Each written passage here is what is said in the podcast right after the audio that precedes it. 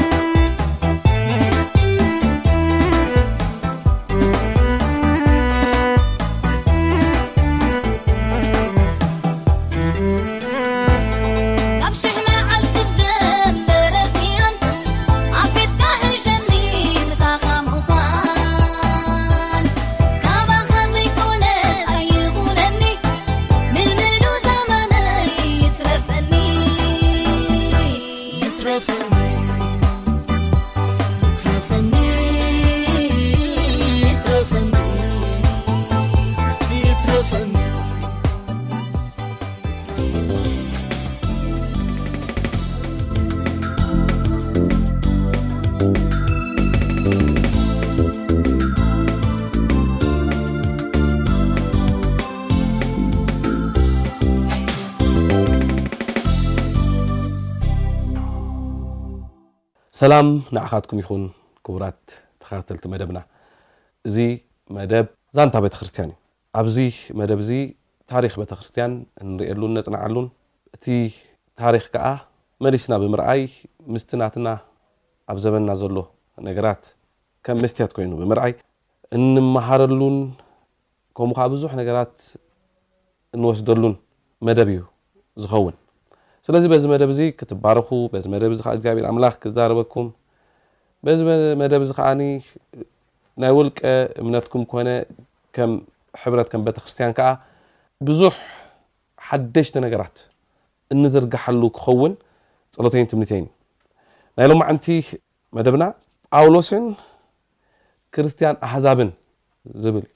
ኣብዚ መደብ እንርእዮም ዋና ዋና ነጥብታት እቲ ቀዳማይ ጳውሎስን ፈሪሳውነቱን እዩ።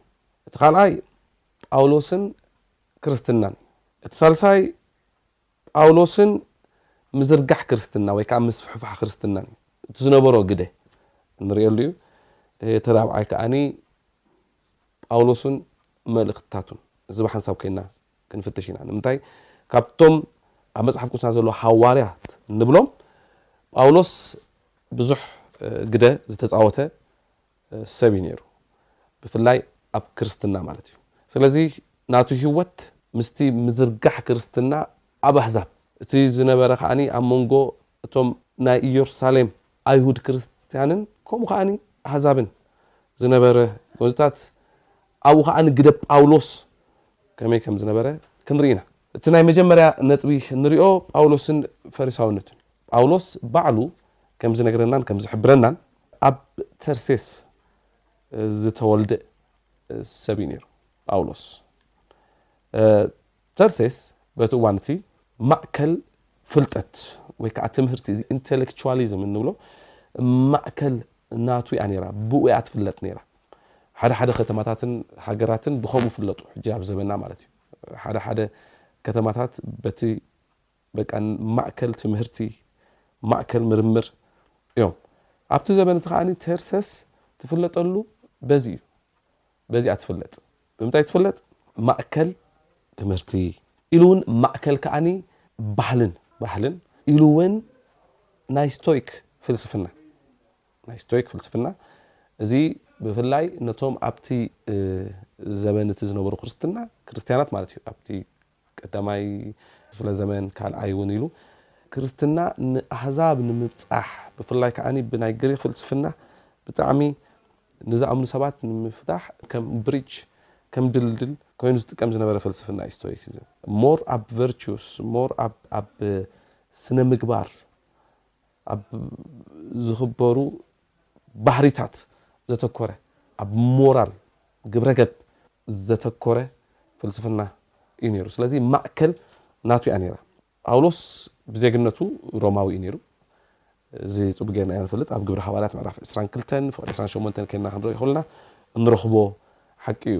ሮማዊ ዜግነት ክህልወካ ከሎ ኣብቲ ዘመን እቲ ብጣዕሚ ኣዝዩ ክቡር እዩ ከምዚ ፕሪስቲጀስ እንብሎ ማለት እዩ ብጣዕሚ ዘኽብር እዩ ነይሩ ካብ ብዙሕ ነገራት ከዓኒ ተጠቃሚ ተረባሕኒ ምዃን እዩ እንደገና ከዓ ካብ ብዙሕ ነገራት እውን ሮማዊ ስለ ዝኾንካ ጥራይ ትፍለየሉ ነገራት ነይሩ እዩ ሕጂ ናይ መስቀል ተሰቒልካ ናይ ምሟት ንሮማውያን ሮማዊ ስለ ዝኾኑ ጥራይ ካብዚ መቕፃዕቲ እዚ ዳርጋ ሓርያ እዮም ነይሮም ይብሉ ሓደ ሓደ ናይ ታሪክ ፀሓፍቲ ማለት እዩ ግን ናይ ሮማ ዜግነት ይሃልዎ ኣብ ተርሴስ ይውለድ ደኣምበሪ ኣብ ትሕቲ ገማልኤል ኮይኑ ዝተማህረ ኣብ ትሕቲ ገማልኤል በቲ እዋን እቲ ገማልኤል ማለት ፍሉጥ ሊቅ ናይ ኣይሁድ እዩ ኣብ ትሕቲ ገማልኤል ምምሃር ማለት ቀሊል ነገር ኣይኮነን ኣብ ትሕቲ ገማልኤል ዝተማህረ ምዃኑ ጳውሎስ በዓሉ ኣብ መልእኽቱ ክምስክረልና ከሎ ንርኢ ኣብ ትሕቲ ገማልኤል ዝተማህረ ሰብ እዩ ነይሩ ጳውሎስ ማለት እዩ ዝኾርዓሉ ድሕር ኮይኑ እዚ እዩ ዝኾርዕ ንጳውሎስ ማለት በቲ እዋን እትስ ዘኸብር እዩ ከምዚ ሕጂ ኣብ ዝተፈላለዩ ሃርቫርድ ዩኒቨርሲቲ ተማሂረ ክንብል ከሎና ቀሊል ነገር እዩ የል ዩኒቨርሲቲ ተማሂረ ክንብል ከሎና ብጣዕሚ ብዙሓት ኣብ በዓል ኦክስፎርድ ካምብሪጅ ኣለዉ ዝተባህሉ ዩኒቨርሲታት ንበሎ ሓን ኣብኡ ተማሂሩ ዝመፀ ሰብ ባዕሉ እቲ ናይ ዩኒቨርሲቲ ሽም እዛረብ እዩ ስለዚ ኣብ ገማልኤል ካብ ትሕቲ ገማልኤል ምምሃር ማለት ኣዝዩ ዘኽብር ኣዝዩ ዘኽብር ስለዚ ጳውሎስ ብኡ ተማሂሩ ብናይ ፈሪሳዊነት ልምድን ባህልን ትውፊትን ዝነበረ ናይ ፈሪሳዊስ ፈሪሳዊ ነይሩ ፈሪሳውያን እንታይ ማለት ምዃኖም ኣብቲ ኣብ ውሽጢ ኣይሁድ ካብ ዝነበሩ ሴክት እንብሎም ብዙሕ ዝኽበሩን ብዙሕ ሰዓብትን ዝነበርዎም ሰባት እዮም ነይሮም ፈሪሳውያን። ነቲ ሕጊ እግዚኣብሄር ኣምላኽ ዝተርጎሙ ጸሓፍቲ ብዝጸሓፍኡ ዝጽሕፍዎ ዘበለ ነገራት ኩሉ ተወፍዮም ብተወፋይነቶም ዝእዘዙ ዝነበሩ ሰባት እዮም።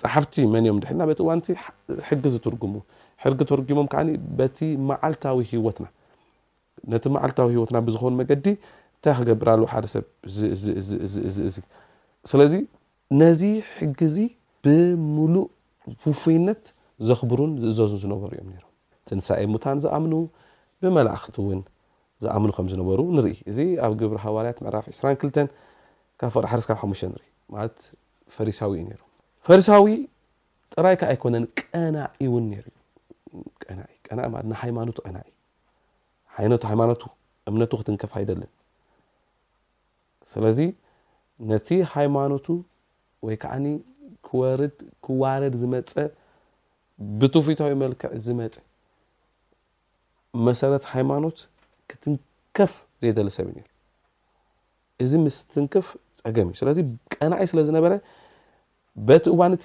ንቤተ ክርስቲያን ዘሳደደ ሰብ ከም ዝነበረ ባዕሉ ክምስክር ከሎ ንርኢ። እዚ ኣብ ግብረ ሃዋርያት ምዕራፍ 22 እንረኽቦ እሱ ባዕሉ ዛንትኡ ክትርኽ ከሎ እንረኽቦ እዩ። ስለዚ ቀናኢ ነይሩ። ቀናኢ ስለ ዝነበረ ናብ ደማስቀስ ናብ ደማስቆ ከማን ከይዱ ኣብኡ ንዝነበረት ቤተክርስትያን ከጥፍእ ነቶም ኣብ ኢየሩሳሌም ዝነበሩ ሓዋርያት ንዓቶም ከጥፎም ኣይደልን ንዓቶም ከም ሓደ ኣይሁድ ናይ ምርኣይ ከም ትሬት ዲና ንብሎ ከም ሓደ ዘስግእ ኩነታት ኣይርእዎን ነይሩ ግን ነቶም ናይ ዳያስፖራ ኣይሁድ ነቶም ጽርኢ ዝዛረቡ ኣይሁድ ግን ከም ሓደ ፖቴንሻል ትሬትስ ነቲ እምነቶም ኣብ ጸገም ከውድቕ ዝኽእል ኣስጋእቲ ጌርካ ናይ ምሕሳብ ነገር ነይሩ ስለዚ ፍቓድ ወሲዱ ናብ ደማስቆስ ክኸይድ ከሎ ኢና ንርኢ ጳውሎስ እንታይ ክገብር ንቤተ ክርስቲያን ከጥፍእ ስለዚ ጳውሎስ ከም ፈሪሳዊ ክንሪኦ ከለና እዚ እዩ ዝመስል ከም ሓደ ናይ ኣይሁድ ናይ ሃይማኖት ሰዓቢ ፈሪሳዊ ክንሪኦ ከለና ግን ትዛንቱ ኣብዚ ጥራይ ኣይኮነን ደው ዝብል ኣብዚ ጥራይ ኣይኮነን ን ዝብል መፅሓፍ ቅዱስ ነንብብ እዚ ዛንታ እዚ እዚ ታሪክ እዚ ተቐይሩ እዩ ንቤተክርስትያን ከጥፍእ ተሃንዲዱ ኣብ ዝኸደሉ እዋን ኣብ ረስኒ ነይሩ ኣብ ፅል እዩ ነይሩ እምነቱ ተተንኪፉ እዩ ስለዚ ቀናእ ስለ ዝነበረ ነቶም ነቲ እምነትን ነቲ ሃይማኖትን ቀጥፍኡ ዝመጹ ኩሎቶም ከጥፍእ ተሓንዲዱ ኣብ ዝኸደሉ እዋን ኣብ መገዲ ሓደ ታሪኽ ፍጠር ማለት እዩ ብርሃነ ርኢ እሱ ከም ዝገለጸልና ማለት እዩ እቲ ካልኣይ እንሪኦ ጳውሎስ ከዓኒ እቲ ፈሪሳዊ ጳውሎስ ከይኮነ እቲ ክርስትያን ዝኾነ ጳውሎስ እዩ ጳውሎስ ከመይ እዩ ምስ ክርስትና ተላልዩ ዝብል መጽሓፍ ቅዱስ ንፈልጥ ንዓና ጸገም የለን ባዕሉ መስኪርልና እዩ ኣብ ግብሪ ሃዋርያት ምዕራፍ ዕስራን ክልተን ከይድና ክንርኢ ከሎና ዛንትኡ እንድዩ እቲ ታሪኹ እንድዩ ታሪኽልና ስለዚ ኣብኡ እንታይ ኢና ንርኢ ንጳውሎስ ንደማስቆ ዝኸይድ ከሎ እንታይ ክገብር ንቤተክርስትያን ከጥፍእ ስለዚ ፍቃድ ረኺቡ እንዳኸደ ከሎ ኣብ መገዲ ሓደ ተጓንፎ ይጋጥሞ ማለት እዩ እንታይ እሱ ብርሃን ርኢ ደድሕሪኡ ይወድቕ ዳሕራይ መን ኢኻ እስኻ መጽእ ተሳደኒ ኣነ ክርስቶስ እየ እዚ ዝገርም ነገር ክርስቶስ እየ ስለዚ ክርስቶስ ምስ ቤተክርስትያን ክንደይናይ ንርእሱ ከም ዘተሓሕዞ ንሪኢና ብፍላይ ኣካል ክርስቶስ እንዳ ቤተክርስትያን ክበሃል ከሎ እዚ እዩ ንቤተክርስትያን ምትንካፍ ማለት ንክርስቶስ ምትንካፍ ከም ዝኾነ ኣብዚ ንርኢ ዋላ እኳ ንክሰብኽ ተዘይኮይኑ እዚ መደብ እዚ ታሪኽ ንምዝንታው ግን ሓደ ሓደ ነጥብታት ንኽንፈልጥ ከኣ ጽቡቕ እዩ። ስለዚ ኣብኡ ዳሕራይ ክርስትያን ይኸውን። እዚ ነገር እዚ ዝሰምዑ ክርስትያን ይስንብዱ። ንምንታይ? ጳውሎስ ፈሪሳዊ ኣብ ዝነበረሉ እዋን ዝኾነ ነገራት ኣሎ። ብፍላይ ብፍላይ እስጢፋኖስ ሰማእት ኮይኑ ክሓልፍ ከሎ ኣብኡ ነይሩ እዩ። እቲ ክዳውንቲ ብምሉኡ ዝሕሉ ዝነበረ እሱ እዩ። ኣብኡ ደርብዮም ሓደ ጎበዝ ነይሩ መንእሰይ ነይሩ ሳኦል ዝበሃል ዝተባህለ ነዚ እዩ። ሳኦል እቲ ኣይሁዳዊ ሽሙ እዩ። ካብ ቢንያም ነገር ስለ ዝኾነ ካብ ቢንያም ነገር ዝኾነ እቲ ንጉስ ንምዝኽኻር ስለዚ ሳኦል ማለት ዓብይ ማለት እዩ። ናይ እቲ ንጉስ ሽም ምሓዙ ባዕሉ ቀሊል ነገር ኣይኮነን። ስለዚ እዚ ምስ ተሰምዐ ክቕበልዎ ይከኣሉ እዚ ቀሊል ነገር ኣይኮነን። ክቕበልዎ ይከኣሉ እቶም ሃዋርያት ማለት እዩ። ግን ዳሕራይ ሓናንያ ከይዱ ኣብኡ እቲ ኣብ መጽሓፍ ቅዱስ ዘሎ ዛንታ ንፈልጦ ኢና። ግን ኣብ ካልኣይ ቆሮንቶስ ምዕራፍ ዓሰርተ ሓደ ፍቕሪ ሰላሳን ክልተን ከድና ኣብ ንሪኦ ግን ጳውሎስ ዳሕራይ እንታይ እዩ ገይሩ ንሰለስተ ዓመት ኣብ ዓረብያ ኣብ ዓዲ ዓረብ ከም ዝነበረ እዩ ዝገልጸልና ኣብ ሰለስተ ዓመት ምሉእ ኣብኡ ከ እንታይ እዩ ዝገብር ነይሩ ንሒልና እቲ ዘምህሮ ትምህርታት ይቕበል ነይሩ ራእይ ይቕበል ነይሩ ክርስትና እንታይ እዩ ይቕበል ነይሩ። ስለዚ እቲ ትምህርቱ እቲ ዘምህሮ ትምህርቲሲ ኣነ ካብ ማንም ኣይተማሃርክዎን ካብ እግዚኣብሄር ተማሂረ እየ ዝብል ነዚ ምክንያት እዚ ሰለስተ ዓመት ምሉእ ኣብኡ ከም ዝነበረ ከም ዝፀንሐ ኣብኡ ከዓ ብዙሕ ከም ዝተማህረን ከም ዝተሰርሐን እዚ ጥራይ ከዓ ከይኮነ እቲ እሱ ዝሰብኮ ስብከት ብምልኡ ከዓኒ ኣብኡ ከም ዝተዋህቦ ኢና ንርኢ ማለት እዩ ዳሕራይ ኣብ ገላትያ ምዕራፍ ሓደ ፍቕሪ ሽሽ ዓሰርተ ሸሞንተ ኸይድና ከም ንርኢ መጺኡ ምስቶም መራሕቲ ዝበሃሉ ማለት እዩ ምስቶም መራሕቲ ዝበሃሉ ኣብ ኢየሩሳሌም ዝነበሩ ብፍላይ ከኣ ምስ ጴጥሮስ ኣብኡ ከም ዝተራኸበ ኢና ንርኢ ነቶም ካልኦት ግን ከም ዘይረኸቦም ኢና ንርኢ በቲ እዋን እቲ እቶም መራሕቲ ዝበሃሉ ኣብ ኢየሩሳሌም ዝነበሩ እቶም ዓንዲ ዝበሃሉ እቶም ጀመርቲ ዝበሃሉ ማለት ካብቶም ዓሰርተ ክልተ እውን እቶም ሰለስተ እዮም ጴጥሮስ ዮሃንስን ያዕቆብን ያዕቆብ ከዓ ብፍላይ እቲ ሓዊ ዮሃንስ ከይኮነስ ሓዊ ጎይታና መድሓኒና የሱስ ክርስቶስ ማለት እዩ ጳውሎስ ብፍላይ ብፍላይ ዓብይ ዝተፃወቶ ሚና ተሎ ኣብ ኢየሩሳሌም ዘለዉ ክርስትያን እቶም ኣይሁድ ዝበሃሉን እንደገና ከዓኒ ኣብ ዲያስፖራ ዘለዉ እቶም ጽርኢ ዝዛረቡ ወይ ከኣ ግሪኽ ዝዛረቡ ክርስትያን ኣብ መንጎኦም ዝነበረ ጎንጺ ቀሊል ነገር ኣይኮነን። ንምንታይ ነቶም ኣብ ኢየሩሳሌም ዘለዉ እንታይ እዮም ኣይሁድ እዮም። ክርስቶስ ከኣ እቲ መሲሕ ኣይሁድ ዝጽበይዎ ዝነበሩ ንሱ እዩ። ስለዚ እሱ ፈጺምዎ እዩ ኩሉ ነገር። ስለዚ ብኩሉ ነገር እመሳሰሉ እዮም። ሳይሆን ጸገም የለን እቲኦም ግን ፍርሒ ነይርዎም ማለት እቶም ኣብ ኢየሩሳሌም ዘለዉ ኣይሁድ ነቶም ኣብ ዲያስፖራ ዘለዉ ብፍሉይ መገዲ እዮም ዝርእይዎ እዚ ርኢና ነርና ኢና ስለዚ ንምንታይ እዩ ከምዚ ኮይኑ ንዝብል ግዜ ወሲድና ርኢናዮ ነርና ኢና ግን ኣብ መንጎኦም ዝነበረ እቲ ፍርሕን ኣፈላላይን ኢሉ እውን ዳሕራይ ቀስ ብቐስ እቶም ኣህዛብ ኣብ ቤተክርስትያን ክመፁ ከለዉ ፀገም ክፍጠር ጀሚሩ ማለት እዩ። መጀመርያ እዞም ሰባት እዚኣቶም ደቂ እብርሃም ክኾኑ ኣለዎም፣ መጀመርያ ኣይሁድ ክኾኑ ኣለዎም፣ ተገሪዞም ክኣትዉ ኣለዎም፣ ደድሕሪኡ ምስ ተገረዙ ኣይሁድ ምስ ኮኑ እዮም ደድሕሪኡ ነቲ ተስፋ ክረኽብዎ ዘለዎም ዝብል ትምህርቲ መፂኡ፣ እዞም ጁዳይዘርስ እንብሎም ማለት እዩ። እዚ ንቤተክርስትያን ዳርጋ ንኽልተ ዚኸፍል ነገራት መጺኡ። ጳውሎስ ኣብዚ ዓቢ ግደ ተጻዊቱ ከኣ እዚ ኣብ ግብሪ ሃዋርያት ምዕራፍ ዓሰርተ ሓሙሽተ ንረኽቦ ማለት እዩ እቲ ናይ መጀመርያ ምኽክር ናይ ሃዋርያት መጺኡ ደድሕሪኡ ኖ ኣይሁድ ክኾኑ ኣይግብኦምን እዩ እቲ ናይ ክርስቶስ ኪዳን ብቐጥታ ክረኽብዎ ክግባእ እዩ ጥራይ ካብዚ ካብዚ ካብዚ ካብዚ እሳቶም ንገዛእ ርእሶም ይሓልዉ። ዝብል ናይ ግድነት ናይ ኣይሁድ ባህሊ ክህልዎም የብሉን ዝብል ነገር ተወሲኑ ማለት እዩ። ስለዚ እቲ ናይ ክርስትና ከምኡ ኮይኑ ማለት ንኣህዛብ ከምኡ ከዓኒ ንኣይሁድ ማለት እዩ። ጳውሎስ ንገዛ ርእሱ ኩሉ ግዜ ዝዛረብ ዝነበሩ ሃዋርያ ንኣህዛብ ንኣህዛብ ሃዋርያ ኮይነ ዝተላእኹ እዩ ዝብል። ስለዚ እቲ ዝነበረ ዳይቨርሲቲ እንብሎ ማለት እዩ እቲ ብዙሕነት ብፅቡቅ ገይሮም ኣተኣናጊዶሞ ማለት እዩ። ፅቡቅ ገይሮም ኣመራርሓ ብፅቡቅ ኣመራርሓ ውሕሉል ዝኾነ ኣመራርሓ ማለት እዩ ነቲ ዝነበረ ቤተክርስትያን ክኸፍል ዝኽእል ነገራት ብፅቡቅ ነገር ፈቲሖሞ እሞ ከዓኒ ብፀሎትን ብቃል እግዚኣብሔር ኣምላኽን ምስ ሓገዝ መንፈስ ቅዱስን ማለት እዩ ኣብዚ ከዓኒ ጳውሎስ ዓቢ ግደ ተጻዊቱ እዩ ክንብል ንኽእል። ሕጂ ካብ ጳውሎስን እዚ ምዝርጋሕ ወይ ከኣ ምስፍሕፋሕ ክርስትናን ንርኣይ። ክርስትና ድሕሪ ሰማእቲ ምዃን ናይ እስጢፋኖስ ማለት እዩ፣ ብዙሓት ክርስትያናት ስደት ምስ መጾም ናብ ዝተፈላለየ ቦታታት ከይዶም እዮም። ብፍላይ ብፍላይ እቶም ጽርኢ ተዛረብቲ። ስለዚ ኣብ ሰማርያ ፊልጶስ ቤተ ክርስትያን ኣብኣ መስሪቱ እዩ። ፊልጶስ ነቲ ኢትዮጵያዊ ስሉፕ መስኪሩሉ ክርስትና ብኡ ገይሩ ናብ ኢትዮጵያ እውን መጺኡ ክኸውን ይኽእል። ብዙሓት ሰባት anyway ናብ ብዙሕ ዓድታት ከይዶም በዚ ከኣ ንቤተ ክርስትያን ክዝርጋሕ ክኢሉ እዩ። መብዛሕቱ ሰባት ክርስትና ናብ ብዙሕ ዓለም ዘብጽሐ ጳውሎስ ገይሮም እዮም ዝወስድዎ፣ ግን ጳውሎስ ከማን ዘይበጽሖም ሓዋርያዊ ዝኾነ ቪዚት ዘይሃበሎም ቦታታት ነይሮም።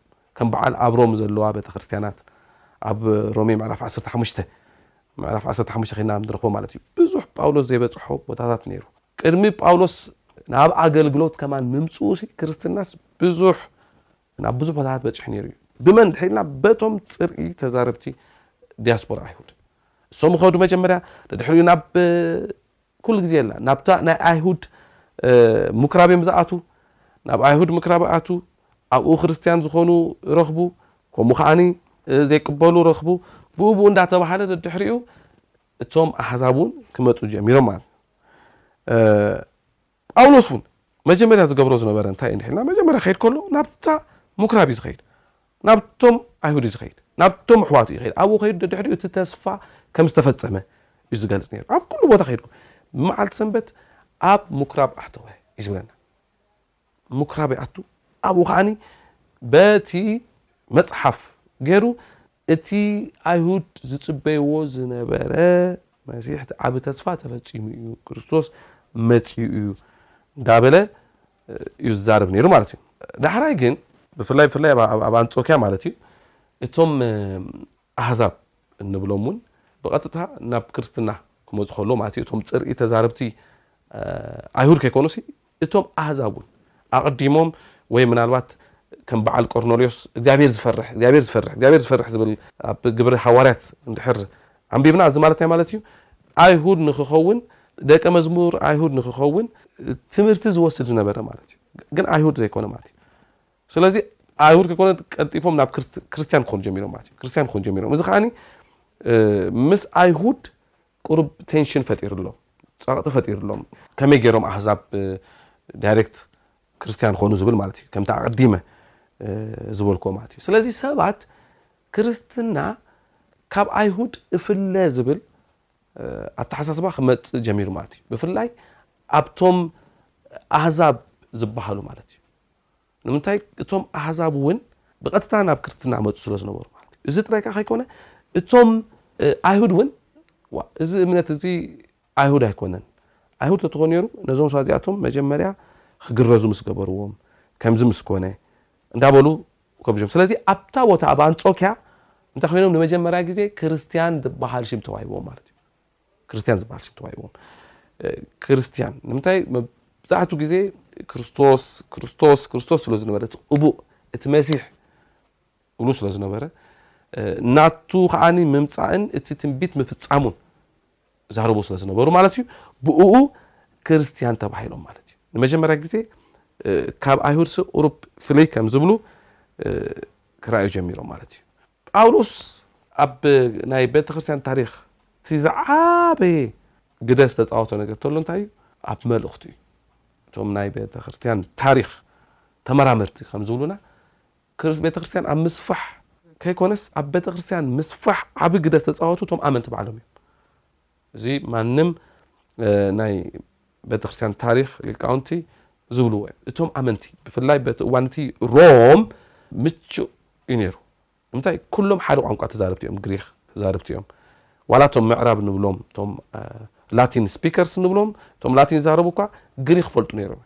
ላቲን ናይቶም ዓበይቲ ሰበስልጣን ናይቶም ሊሂቃን እዩ ነይሩ ስለዚ ግሪኽ ዓለምና ሙሉእ ዝሓዘ ስለ ዝነበረ እንደገና ከዓኒ ፅቡቅ ዝኾነ መገድታት ሮም ሰሪሑ ስለ ዝነበረ እንደገና ከዓኒ ፍሉይ ዝኾነ ስቴቢሊቲ ሰላም ስለ ዝነበረ እቶም ኣመንቲ ናብ ዝተፈላለየ ዓዲ ብዘይ ሓደ ፀገም እንደገና ናብ ዝተፈላለየ ኩርናዓት እኸዱ ስለ ዝነበሩ ፓስፖርት ዝሓቶም ቪዛ ዝሓቶም ስለ ዘይነበረ ዶባ ስለ ዘይነበረ በዚ ምክንያት እዚ ናብትን ናብትን ናብትን እንዳበሉ እቶም ኣመንቲ ክርስትና ኣብፂሖሞ እዮም ኣዘርጊሖሞ እዮም ግን ናይ ጳውሎስ ዓቢ ግደ እንታይ እዩ መልእኽቲ እቲ መልእኽቲ ሕጂ ኣንፈት ሂቡ ማለት እዩ ዳይሬክሽን ሂቡ ማለት እዩ ኣቕጣጫስ ኣርእዩ ማለት እዩ ኣብቲ መልእኽትታቱ ናይ ጳውሎስ መልእኽትታት ፍሉይ ዝገብሮ ብፍላይ ኣይሁድ ኮነ ኣህዛብ ዝድሕኑ ብጐይታን ብመድሓኒናን ብኢየሱስ ክርስቶስ ጥራይ ምዃኑ ኣነጺሩ ይዛረብ እዩ። ጽድቂ ብእምነት ዝበሃል ንመን ብምእማን?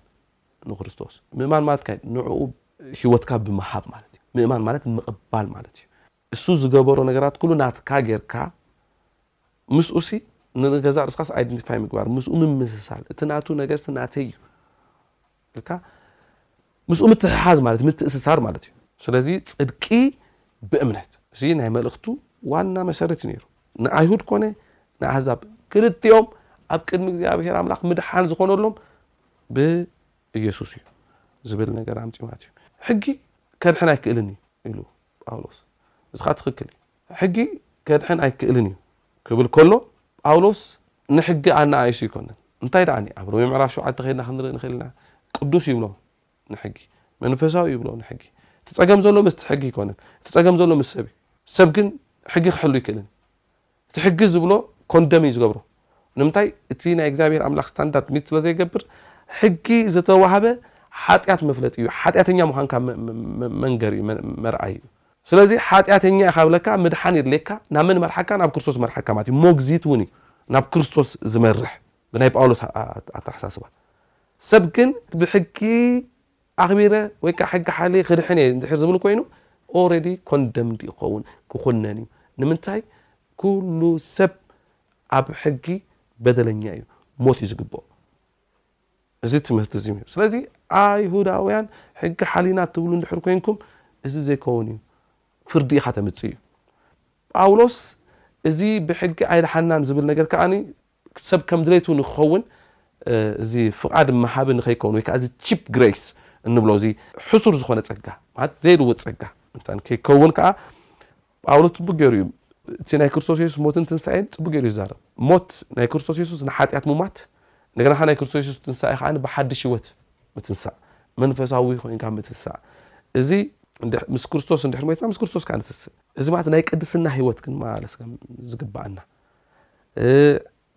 ሓጢኣት ዝጸል ዓመጻ ዝጸል ህይወት ክህሉና ከም ዝኽእል ምስ ፍቓድ እግዚኣብሔር ኣምላኽ ምስ ቃል እግዚኣብሔር ኣምላኽ ምስ ሕጊ እግዚኣብሔር ኣምላኽ ዝመሳሰል ህይወት ንክህልወና ከም ዝኽእልን ብቅድስና ክንነብር ከም ንኽእል ስለዚ ማእከሉስ ክርስቶስ የሱስ እዩ ናይ ክርስቶስ የሱስ ሞት ናይ ክርስቶስ የሱስ ትንሳኤ እዚ ህይወትና ብምልኡ ዝመርሖ ዋና ነገር እዩ እዩ ነይሩ እቲ መልእኽቲ ማለት እዩ ናይ ጳውሎስ ስለዚ ጳውሎስ በዚ መልእኽቱ እዚ እንደገና ናይ ኣቅጣጫ ናይ ክርስትና እንታይ ክመስል ከም ዝኽእል ኣርእዩ ማለት እዩ ዓብይ ሮል ኣብ ሓድሽ ክዳን ጳውሎስ ተፃወተሉ በዚ እዩ ስለዚ እቲ ናይ ጳውሎስ ናይ ህይወት ምዕራፍ ብዙሕ ነገር ከም ዘምሃረና ተስፋ ገብር ኣብ ዝመጽእ ዘሎ ግዜ ከዓኒ ብካልእ ትምህርቲ ወይ ከዓኒ እዚ ታሪኽ ክንራኸብ ኢና ክሳብ እቲ ዝመጽእ ዘሎ ግዜ ጸጋ እግዚኣብሔር ኣምላኽ ምስ ኩላትና ይኹን ደሓን ኩኑ